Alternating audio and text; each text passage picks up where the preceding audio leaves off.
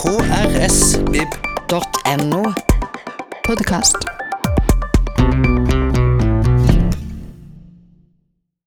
Jeg vet ikke om uh, Jens Bjørneboe kjente at han kom hjem når han dro til Italia. Iallfall hadde han et veldig sterkt forhold til landet og oppholdt seg der uh, i lange perioder. Og skrev bl.a. den livlige romanen 'Vinter i Bella Palma'. Vi får fint besøk fra universitetet. Eh, professor, ta godt imot Bjarne Markussen.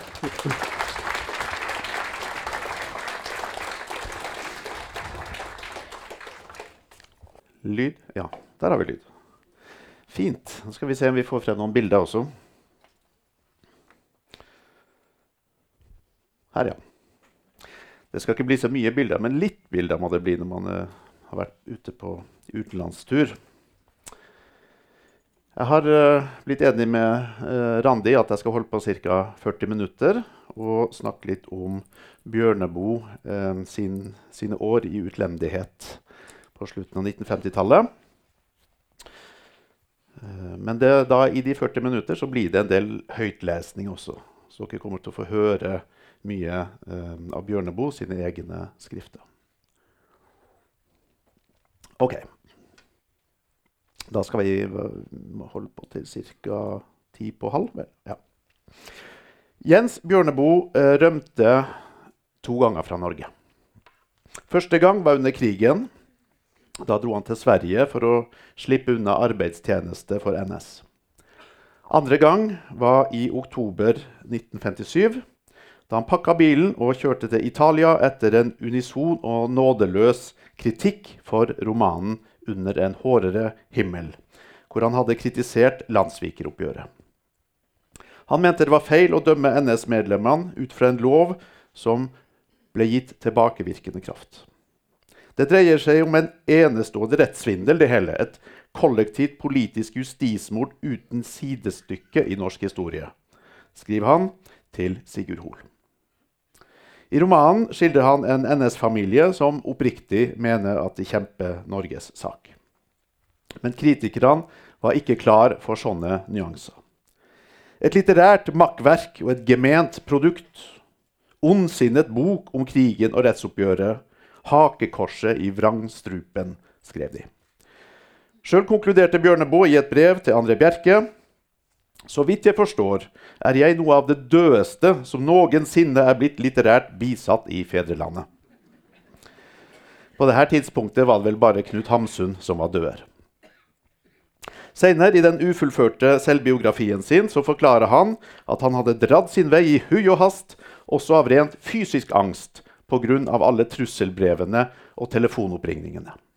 Det var så mange trusler om å skyte meg at jeg til slutt måtte gjøre regning med at en eller annen patriotisk psykopat eller idiot kanskje kunne komme til å iverksette truslene. Så han satte seg i bilen. I ett og et halvt år holdt han seg borte fra Norge. Han kom ikke tilbake før våren 1959. Og man må jo spørre hvordan i all verden han hadde råd til det. Dette utenlandsoppholdet var delvis finansiert av forskudd fra Gyldendal og delvis av Bjørneboe sin mor Maja. Og I begynnelsen bosatte han seg i den italienske fiskerlandsbyen Positano. Men han var også i der Positano. Han var også i Napoli, eh, Firenze, Pisa og Roma. Så her har vi han foran, foran Det skeive tårnet. Senere reiste han til Sveits, til byen Dornach, hvor kona Lisel bodde. Her ligger også Goetheanum, senteret for Rudolf Steiner sitt antroposofiske samfunn. Bjørneboe var dessuten innom Tyskland og Frankrike og besøkte slagmarkene fra første verdenskrig. Verdun, Alsace, Hartmanns Willerkopf, som han senere skrev en kjent sang om i skuespillet 'Fugleelskerne' fra 1966 og som over da og chemin de dam, og søppel og gjørme og blod og slam, og chemin de dam og chemin de dam, og navn fra min glemte ungdom. Den litterære produksjonen hans i reiseårene 1957 har imidlertid fått lite oppmerksomhet i ettertid.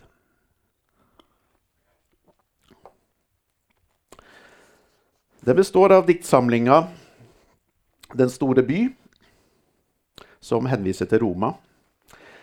Romanen 'Vinter i Bella Palma', som har trekk av Positano, pluss eh, en del brev, reiser, eh, reiseskildringer og essays. Og noen av de ble gjennomtrykt i samlinga 'Politi og anarki' på 70-tallet. I tillegg skrev han også et skuespill om Olav den hellige, av alle ting, i Italia. Men det ble aldri publisert, og manuset er så vidt jeg vet forsvunnet. I litteraturforskninga nevnes nesten aldri disse skriftene. De blir totalt eh, forbigått. 'Vinter i Belle Palma' fikk også hard medfart av kritikerne da den kom ut. En kalte romanen for 'Den totale bommert', en annen for 'Vrøvl i Bella Palma'.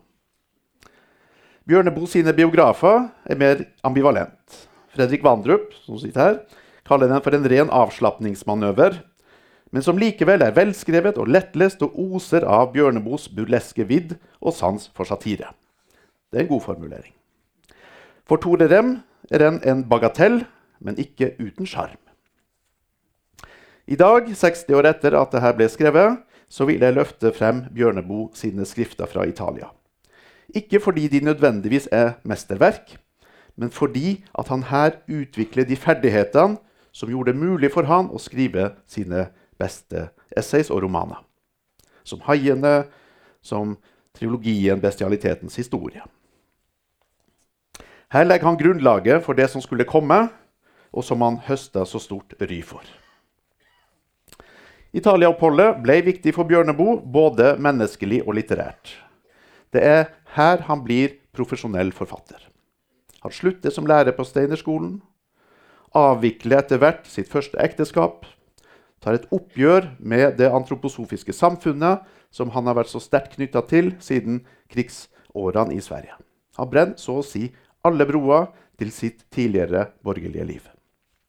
Og kulturelt og litterært så vender han nå oppmerksomheten mot Italia, hvor han særlig blir fascinert av middelalderen og renessansekulturen. Belle Palma' for eksempel, har f.eks. en sånn symmetrisk oppbygging som ser ut til å være influert av renessanseidealer. Og han legger seg til et arbeidsmønster med veldige opp- og nedturer, med store gleder og dype depresjoner. Hardt arbeid og hard drikking. I Italia utforsker han dessuten sin biseksualitet, og går ifølge eget utsagn mye på kunstmuseer og bordeller. Ikke minst famler og eksperimenterer han som forfatter. Han vet ikke i hvordan retning han skal gå nå. Men han aner at han er på vei mot noe stort. Det får vi et hint om i mottoet til Bella Palma-romanen. Der står det Og mens vi sitter her og venter på at slaget skal begynne, sa en av mennene til kongen, så vil jeg foreslå at vi ber noen om å fortelle en historie som kan forkorte tiden uten å vekke tunge tanker. Muligens en liten referanse her til Pan av Hamsun. Introen der. Altså et mellomspill før selve slaget begynner. Famlinga viser seg også i at han prøver seg som dramatiker, men ender opp med en roman. For den vinteren i Belle Palma skulle egentlig bli et lystspill. En stund så fabulerer han om å bli novellist, men han ender opp som essayist. Og han avslutter inntil videre sitt lyriske forfatterskap med 'Den store by'. Tida for tradisjonalistiske dikt og sonetter er nå over. Når han seinere kommer tilbake som lyriker mange år etter, så skjer det i form av sanglyrikk som integreres i skuespillene etter inspirasjon fra Brecht. Ja. Men spørsmålet mitt da er ikke hva Bjørneboe gjorde i Italia, men hva han lærte i Italia. Hva han gjorde, det kan man lese hos de lesverdige biografene hans. Sjøl har jeg oppdaga at Bjørneboe på denne tida var veldig opptatt av å lære seg kunsten å skrive. For han var utdanna maler, og han hadde respekt for det håndverksmessige. Til Arnulf Øverland så sier han om 'Vinter i Bella Palma' at den er kanskje ikke noe særlig å feste seg ved, annet enn at jeg har lært litt av å skrive den. Og til Sigurd Hoel skriver han i det hele tatt har jeg på mange måter inntrykk av at jeg nå kan begynne å lære å skrive. Jeg må antakelig gå og stelle et par år før jeg får til noe virkelig nytt. Så det er en lærevilje her. Og det er ikke falsk beskjedenhet. Det ekte ydmykhet. Så hva lærte han? Det sier han ingenting om. Det eneste måten å finne det ut på, det er å lese hva han skrev, og så sammenligne det med det han skrev før og etter. Og Det er ikke tvil om at han utvikler seg når han får Norge på avstand. Men samtidig er det særlig én norsk forfatter som han prøver å lære av, nemlig den som er enda mer upopulær enn han sjøl, Knut Hamsun. Så Jeg skal prøve å svare på spørsmålet om hva Bjørneboe lærte i Italia, og sammenfatte det i fem punkter. Og Så skal jeg gi dere smakebiter på det han skrev, så kan dere gjøre opp deres egen mening. Så her blir det litt høytlesning. Punkt 1. I Italia så blir Bjørneboe en livsnyter. Det er en av tegningene hans fra Italia. Om han ikke har vært det før.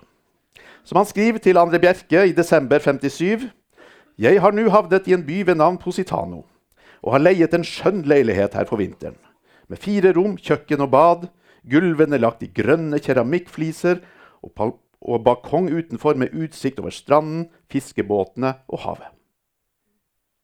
Om aftenen er det kjølig, men om dagen kan man rusle omkring barbent og i skjorteermene i en sol fullkomment uberørt av norske politikere. Ironisk nok var det denne fete leiligheten med strandutsikt, betalt av mora, at han skrev det temmelig selvmedlidende diktet 'Mitt hjerte', som er et foreldreløst barn. Det har verken hjem eller sted å bo. Det har ikke klær, ikke mat og sko. Det har verken seng eller barnetro. Det har ingen ro. skriver han her. Samtidig opplevde han mye livsglede i Positano. Og litterært sett så fører det til at et nytt tema nå kommer i sentrum, nemlig forholdet mellom kropp og sjel. Eller kjød og ånd. I brevet til Bjerke så legger han f.eks. ved et dikt som har tittelen 'Om steder på jorden og mat jeg liker'. En poetisk reisebeskrivelse og en feiring av god mat og drikke. Dette er noe av det beste han skrev i Italia, og det første diktet på såkalte frie vers. Og her er et par strofer. Ai, men jeg glemmer de enklere gleder, rett og slett kastanjer i en liten fjellby, og fårekjøtt i glørne, lukten av brent tre, hvitløk, tomat og olje, pærer og vin fra landsbyen. Så enkel mat rystet ofte mitt hjerte. Levende skalldyr åt jeg fra vogn i Napoli, fikk dem i hånden, åpnet dem med kniv, presset sitron over dem og drakk dem ut av skallet. Ustø på føttene av salighet. Som saltvann, vind og stjernenetter smakte dette. Jeg ble blind etterpå, men angrer ikke et sekund. Efter noen uker fikk jeg da også synet igjen, hva jeg nå skulle med det. Jeg har sett nok. Middelhavet. Dine fullkomne måltyder pryder min kjærlighet til deg. Selv det enkleste, oliven, brød, vin i den varme natt, med fred i sjelen, måneskinn og det gamle vannhjul. De sanselige gleder ser altså ut til å veie opp for livets metafysiske uhygge.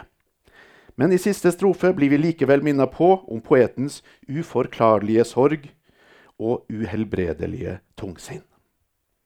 Hele livet blir Bjørneboe dratt mellom glede og melankoli, og i den italienske mentaliteten fant han igjen begge deler. Eller så er det sånn at han projiserte sin melankoli over på italienerne. Det kan det også være. I 'Vinter i Belle Palma' så snakker i alle fall engelskmannen Georg om akkurat det her. Nå kommer det et lengre sitat. Du vil kanskje innvende at Sydens folk nettopp er kjent for sin sorgløshet og sitt vedvarende gitarspill, sin latter og sitt smil. Men det er turistvisdom, Hansemann. Turistplakat er det. De lever av det. Delvis er det slik, men det er noe annet også. Det er sant at de skravler og roper og ler og synger når de er sammen. Men se på dem når de er alene. Se på dem om aftenen. Nettopp fordi de er bunnløst melankolske, er de så glade i å le. Derfor er de så glade i å hilse på hverandre på 300 forskjellige måter. Derfor er de så glade i et muntert svar. Det er det eneste som gjør sorgen lettere å bære. De har hatt alle sivilisasjons velsignelser her i 3500 år, og de har lært leksen. Og vet hva, det er, hva som er det eneste man kan gjøre med livet for å forbedre det. Lær deg dette, Hansemann. Alle kulturfolk er bedrøvet. Kun barbarene er glade. Det eneste man kan gjøre med sin sorg og med livets allmenne uhelbredelighet, det er å konsentrere seg om de evige gleder. Om vin, mat, vakkert vær, om kjøligheten om aftenen, om en folkevise fra fjellene, om å hilse muntert. Den vakreste av alle italienske hilsener kjenner du kanskje ikke engang, og den brukes bare når man går forbi et menneske som sitter på trappen eller fortauet om aftenen for å nyte aftenkjøligheten. Den heter bon fresco, altså god avkjøling. Og den er på sett og vis summen av all visdom om hva godt man kan ønske et medmenneske på jorden. Man skal ikke stille for store krav, Hansemann. Positano ble ellers en mulighet til å utprøve den homoseksualiteten som var forbudt i Norge. Etter at jeg snart har vært her i to måneder, kjenner jeg hele byen. Den solskinn, dovenskap, drukkenskap og forbausende varierte kjærlighetsliv, skriver han til forleggeren Henrik Groth. Senere i selvbiografien er han åpen om sine gutter i Positano. Men i romanen derimot så er han langt mer diskré. Hovedpersonen Hans Berlov, som på mange måter ligner Bjørneboe, skildres som hetero. Han er hemmelig forelska i en person som han kaller Piken, og når hun er i nærheten, så blir han sjenert og klønete. Herregud, hva du er for en forfengelig gammel narr, sa jeg til meg selv, men det hjalp ikke. Jeg tok av meg reservebrillene mine og pusset dem for at ingen skulle se at jeg sto stille og var glad. Jeg var meget lykkelig over at jeg hadde hilst på piken. Men her må vi ikke la oss lure. For dette språket er bare halvhjerta Hamsun-etterligning. Det er bare en kamuflasje. Denne piken spiller i realiteten ingen rolle i romanen, i handlinga. Hun er bare en kamuflasje for det egentlige erotiske fascinasjonen som er retta mot menn. Og spesielt Hans Berlovs partner in crime, fiskeren og sigarettsmugleren Tomaso. Når han skildres, så blir språket langt mer presist og sensuelt. Sånn skildrer han en mann. Han la det ene ben over det andre, og det slo meg hvor vakkert han var kledd. Med den lyseblå, nystrøkne skjorten rundt den brune halsen og den mørkeblå genseren kastet som en kappe over skulderen. Han bar den som en hertug. Så tok han alpeluen av seg og la den på bordet. De grå buksene var nypresset og uten en flekk. Føttene, ansiktet, hendene. Alt var nyvasket og brunt. En annen. Det er kanskje ikke akkurat sånn vi sånn fornemt sexy ser for oss en fattig fisker, som også er analfabet. Men vennskapet mellom professore Hans og pescatore Tomaso preges av en gjensidig respekt. Tomaso leder fiskerne sitt opprør mot autoritetene, godt backa opp av Hans. Fiskerne vil bygge en molo utafor stranda, og de vil leve av fiskeri og ikke turisme. Men autoritetene og kelnerne argumenterer for at dette vil ruinere byen. Uten ei ordentlig strand, ingen turisme, ingen penger. Fremdeles en aktuell problemstilling. Opprøret må altså stoppes. Og I et møte på den lokale piazzaen snakker pater Leone og den gamle fisken Vittori overbevisende om de gode, gamle dager da livet var hardt og folk var fattig og syk, men dydig. Til slutt er det ingen som vil ha tilbake de gode, gamle dagene. Når Tomaso blir politisk nedkjempa, vender han sin homofobe aggresjon mot Martin, som er partneren til Georg. Hå, en meget ond og dårlig utlending. Ingen vet om han er gutt eller pike. Du er sannelig en meget stor skam for din mor, provoserer han. Og Gjennom hele romanen har egentlig Bjørneboe pøst på med temmelig pinlige homoklisjeer. Som om han vil forsikre leseren at han ikke er en av dem. Martin og Georg de går rundt og sier 'Gida meg' hele tiden. Men mot slutten snur jeg situasjonen på hodet. For i et barslagsmål får Tomaso rundhjuling av Martin, som viser seg å være en godt trent danser. I sannhet uhyre meget gutt, må Tomaso medgi.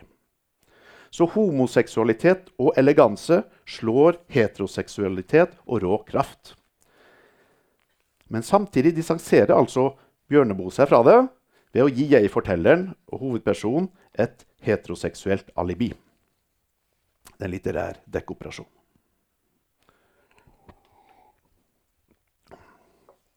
Bjørneboe skrev ferdig denne romanen i Dornach i Sveits. Og På den tida begynner han samtidig å distansere seg fra det antroposofiske samfunnet. Ikke minst pga. den fortrengninga av kjønn og seksualitet han finner der. Det er mye seksuell aggresjon i brevet han skriver til vennen Kalle Brodersen i april 1958 etter å ha sett ei teaterforestilling på Goetheanum. Aldri har jeg sett en så ublyg, en så skamløs amatørtrupp på en scene før. Aldri så umandige menn. Aldri så heslige kvinner. Før eller senere må man helt grusomt, helt brutalt stille spørsmålet hva er i veien med en bevegelse som kan samle så mange heslige kvinner omkring seg? Hele dette Goetheanum stinker av nedtrampet, baktalt, mishandlet, kort sagt overvunnet kjønn. Man kan si at dette ikke er Steiners skyld. Men det er han som har satt det i gang. Jaggu er det det. Han ivret jo også sterkt imot dette som han kalte kjødslyst. Denne tidens omseggripende trang til å vedstå seg sin usedelighet. Her ser det ut til at Bjørneboe sjøl har en stor trang til å vedstå seg sin usedelighet. Men det er det altså ikke rom for i Guteanum. Homoseksualitet hadde aldri vært nevnt av Steiner, visstnok. Og Bjørneboe ville konfrontere den antroposofiske bevegelsens grunnsykdom, som han diagnostiserte som autoritetstroen. Det innebar imidlertid ikke at han oppga antroposofien som sådan. Så seint som i 'Haiene', den siste romanen, så skriver han at alt som lever, er av ånd. Et gjenklang. Bjørneboe skrev om homoseksualitet ved flere anledninger. Kanskje best i diktet 'David om Jonathan', som har et bibelsk motiv. Det skrev han midt på 50-tallet, men det ble ikke publisert før i 1968 i samlinga 'Aske, vind og jord'. Her kommer to strofer. Som melk er kongedøtrenes profiler, og slik som hvete dufter deres hår. Som gode marker er de når de hviler, og som løvinner er de når de går. Ja, deres gang er prektig som løvinners, men Jonathan, du falt på meg som regn. Din kjærlighet var søtere enn kvinners. Og David spirte som en vårlig ein. Mer rett på sak går han i Uten en tråd og i Kruttårnet. Og I selvbiografien fra 1976 skriver han man er rett og slett den man er. Og det er ingen grunn til å forsøke å gjøre noe ved det. Dette er viktige tekster i norsk skeiv litteratur. Men når det er sagt, så er jeg ukomfortabel med de selvrettferdige omtalene av unge elskere og prostituerte. Hvor Bjørneboe fullstendig mangler forståelse for maktforholdet mellom den velstående nordmannen og de fattige italienerne. For disse seksuelle møtene var vel neppe like stas for de unge guttene i Positano. Men nok om kropp og sjel. Det andre Bjørneboe lærer, eller videreutvikler i Italia, er en form for lekende ironi. I 'Vinter i Bella Palma' eksellerer han i ironi. Både på handlingsnivå og på setningsnivå. Mest subtil er han når han leker med moralske verdier i hverdagsspråket. Spesielt i hilsener og fornærmelser. Fra Tomaso sitt synspunkt så er folk enten veldig gode eller veldig dårlige. Men som er, hvem som er hva, det kan fort bytte om. Hans Berlov liker dette spillet. Og når de to forhandler om utbytte fra sigarettsmuglinga, så får dialogen en Monty Python-aktig absurditet. Bare tenk på den prutescenen fra Life for Brian, der det gjelder å prute opp prisen og ikke ned. Her kommer prutescenen, eller forhandlingsscenen. Carissimo Tomaso, sa jeg. Før vil jeg dø enn å motta 60 Ikke gjør meg rasende, Tomaso. Jeg skal ha 40. Og du, aller beste fetter Pescatore, skal selv ha 60. Bonissimo professore. Hør nå på fornuft og ikke være en bambino. Ta imot de 60% Hva skal vel jeg, aller beste fetter, en lus av en fisker med så mange penger?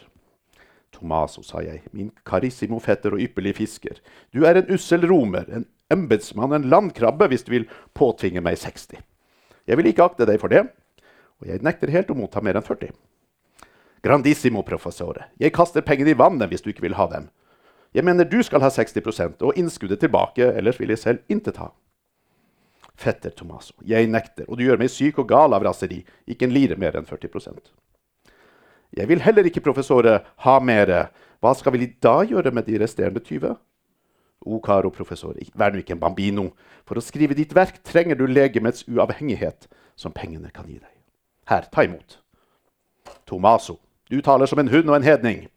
Som en elendig sicilianer. Jeg vil ikke ha mer enn min del. Til nød kan jeg strekke meg til å ta imot halvparten. Men på den betingelse at du selv beholder den andre halvparten.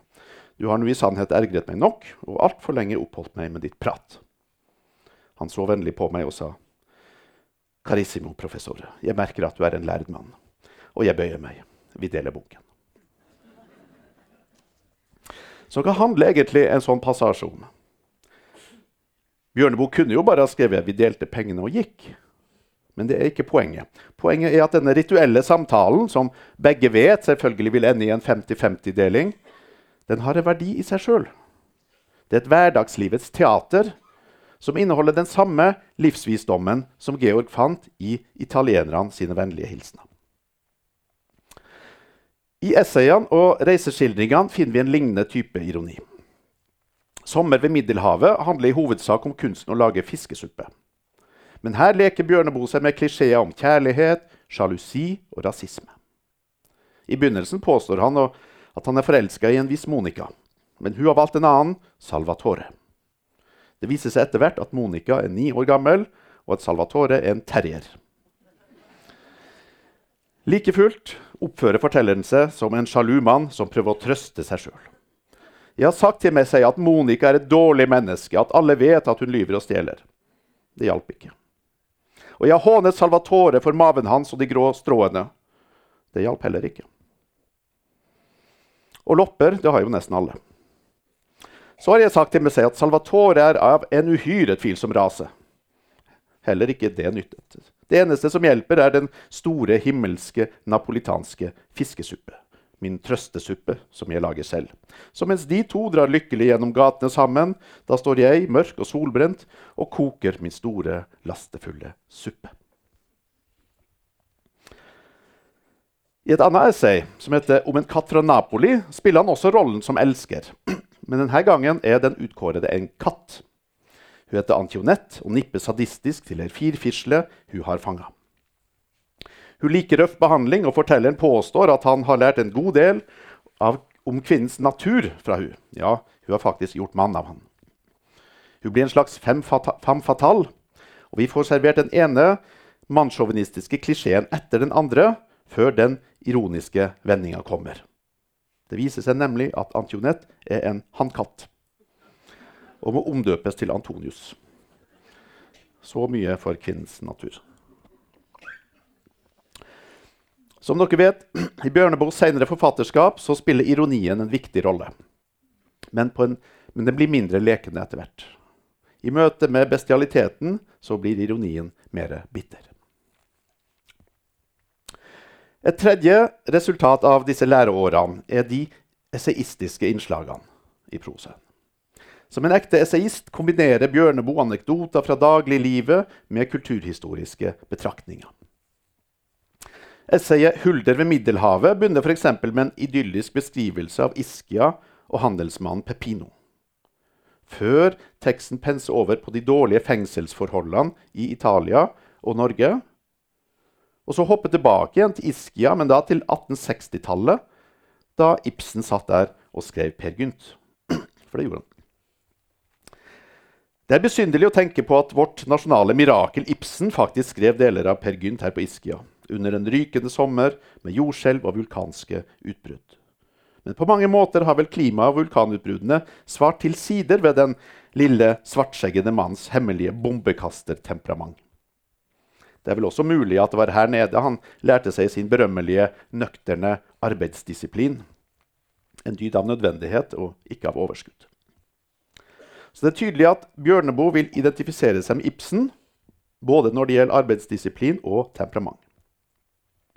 Og når han kommer tilbake til Norge, så blir han fengsla for fyllekjøring og skriver deretter en serie kritiske artikler om fangebehandlinga og rettssystemet i Norge. Som essayist står Bjørneboe i tradisjonen fra renessanseforfatteren Michel de Montaigne, som gjør den personlige erfaringa til utgangspunkt for en refleksjon.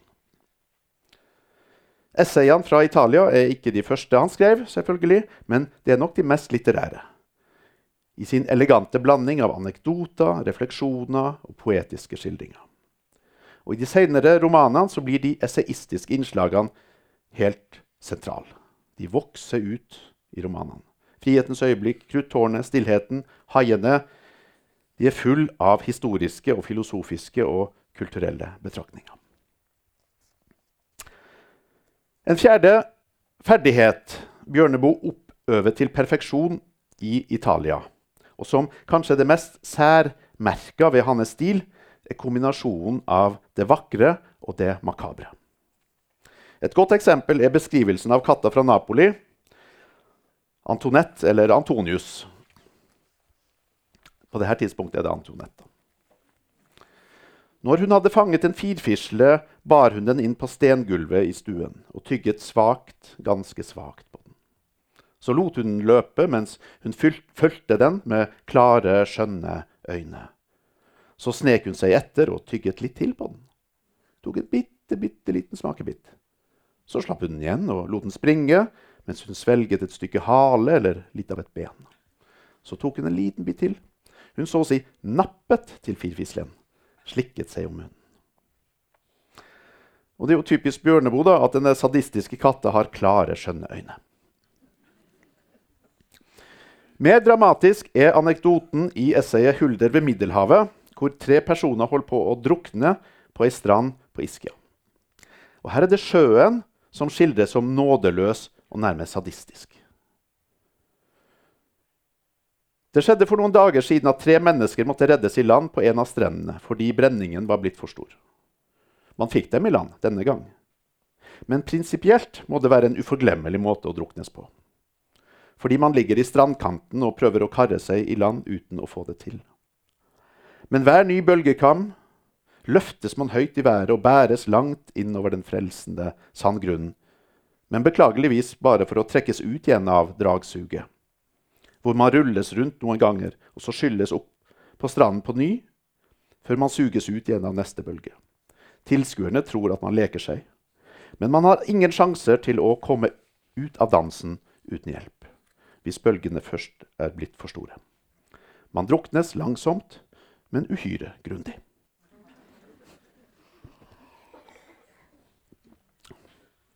Det her er karakteristisk for den stilen som Bjørneboe kalte for poetisk naturalisme.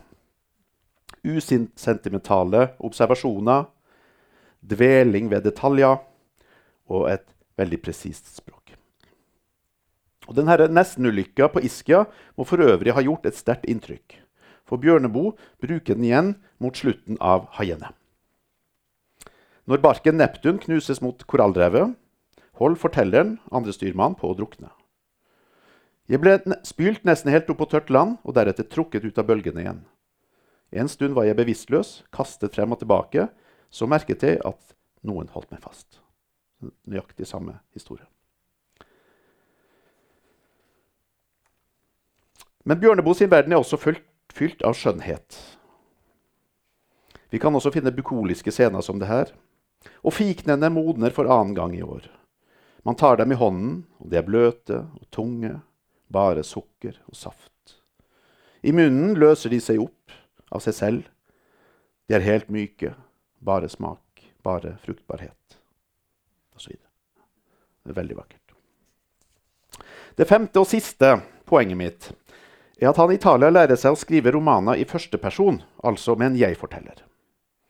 Riktignok har han prøvd seg på det før, men i de to første romanene, 'Før han galer' og 'Under en hårere himmel', så er jeg-fortellerne primært observatører som er skjøvet ut i rammefortellinga. Men i 'Vinter i Bella Palma' så er jeg-fortelleren hovedpersonen i boka. Alt ses og høres fra hans perspektiv, og han er dessuten ansvarlig for mye av handlinga, siden han samarbeider om både smugling og oppvikleri. Så hvordan former Bjørneboe sin jeg-person? Jo, i stor grad som seg sjøl. Som Bjørneboe er Hans Berlov en norsk forfatter som er på god fot med lokalbefolkninga. Han idealiserer en epikureisk livsstil hvor penger bringer ro og fred og uavhengighet til min neste bok, et stille liv i studier og strengt arbeid. Men når han blir full, blir imidlertid oppførselen hans mer dionysisk. Derfor må han leie en gutt, Matheo, til å passe på seg. Og Ifølge Tomaso er Hans ikke gal, bare meget nervøs. Han er ingen endimensjonal person, og verken som forteller eller politisk aktør er han pålitelig. I konflikten mellom fiskerne og autoritetene støtter han egentlig begge sider. Så han er høyt heva over politikken. For som han sier, all dypere interesse for politikk forutsetter en smule analfabetisme. Og denne Påstanden reflekterer nok holdninga i de antroposofiske sirklene fem, på 50-tallet. Men selv den revolusjonære Bjørneboe på 60- og 70-tallet holdt en viss avstand til hverdagspolitikken. Det er verdt å merke seg at i bestialitetens historie så er alle jeg-fortellerne outsidere. Enslige protokollførere som kartlegger menneskelig ondskap. Også i haiene er jeg-fortelleren en loggfører. Og de er alle vandrerfigurer, omreisende skrivere som dels er innafor og dels står utafor samfunnet. Og Hans Berlov er den første versjonen av Bjørneboe sin vandrefigur. Og Derfor er 'Vinter i Belle Palma' en viktig bok i forfatterskapet. Og Hvis noen nu da mot slutten lurer på hvor det ble av Knut Hamsun, så er det her han kommer inn. For hvem har vel skrevet flere vandrerromaner enn han? Fra den navnløse antihelten i Sult, via August i Landstrykertrilogien, og til Abel Brodersen i Ringen sluttet. Og I 1957, samme år som Bjørneboe forlater Norge, så skriver han et fornøyelig essay nettopp om August-skikkelsen. Hos Hamsun som han sammenligner med Per Gynt, sjarmerende, ansvarsløs. Og Det Bjørneboe ser, er at Hamsun elsker August like mye som han forakter han. Og Den grunnleggende konflikten i Vinter i Bella Palma mellom primærindustri og turisme mellom autentisitet og ikke-autentisitet, er selvsagt kjente hamsunske motiver. Bortsett fra at for Hamsun så gjaldt det jordbruk og ikke fiske. I 1910 raser Hamsun mot norsk turisme. Vi skal få hendene opp av lommen igjen og begynne å arbeide. Så blir vi ikke et helt folk av hotellverter og oppvartere. Akkurat det samme sier Tomaso til fiskerne. Skal kanskje lusede kelnere regjere i en fiskeby? Arnold derimot sier det sånn. Alle er kelnere. Også fiskerne i virkeligheten. Deres livsoppgave er å leie ut båtene sine i turistsesongen mens de selv sitter på stranden og blir fotografert. Alle er kelnere. Dette er åpenbare referanser til Hamsun. Men Bjørneboe er ikke like moralsk indignert som Hamsun. Han ser snarere ut til å more seg. Hans Berlov sammenligner kelneren på Sunshine Bar med de store italienske forfatterne. Mario, du er en usedvanlig kelner. Du er en Torquato Tasso, en Petrarca, en Giacomo Leopardi av en oppvarter. Så det som betyr noe, er ikke hva du lever av, men hvordan du gjør det. Så kort sagt um, så lærte, lærte altså forfatteren Bjørneboe fem ting i Italia. Utforske kropp- og sjel-tematikken og leke seg med ironi. Og flette inn essays i fortellinga. Og blande det vakre med det makabre. Og bruke vandrertypen som jeg forteller. Så spørsmålet skapte han god litteratur i perioden 1957 59. Jeg mener han er best i essayene. Men også i romanen og i diktsamlinga fins det gode partier. Men det viktigste er likevel at han utvikler de ferdighetene og skrivestrategiene han trenger for å skrive sine beste ting. Så 60 år etter så er det på tide å gjenoppdage denne perioden i forfatterskapet. min I alle fall så viser de at også små tema kan romme store tanker. Da sier jeg takk der.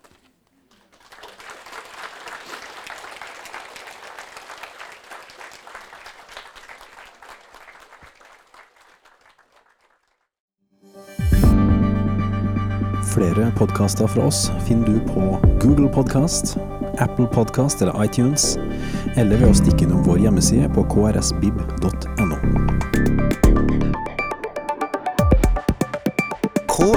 krsbib.no.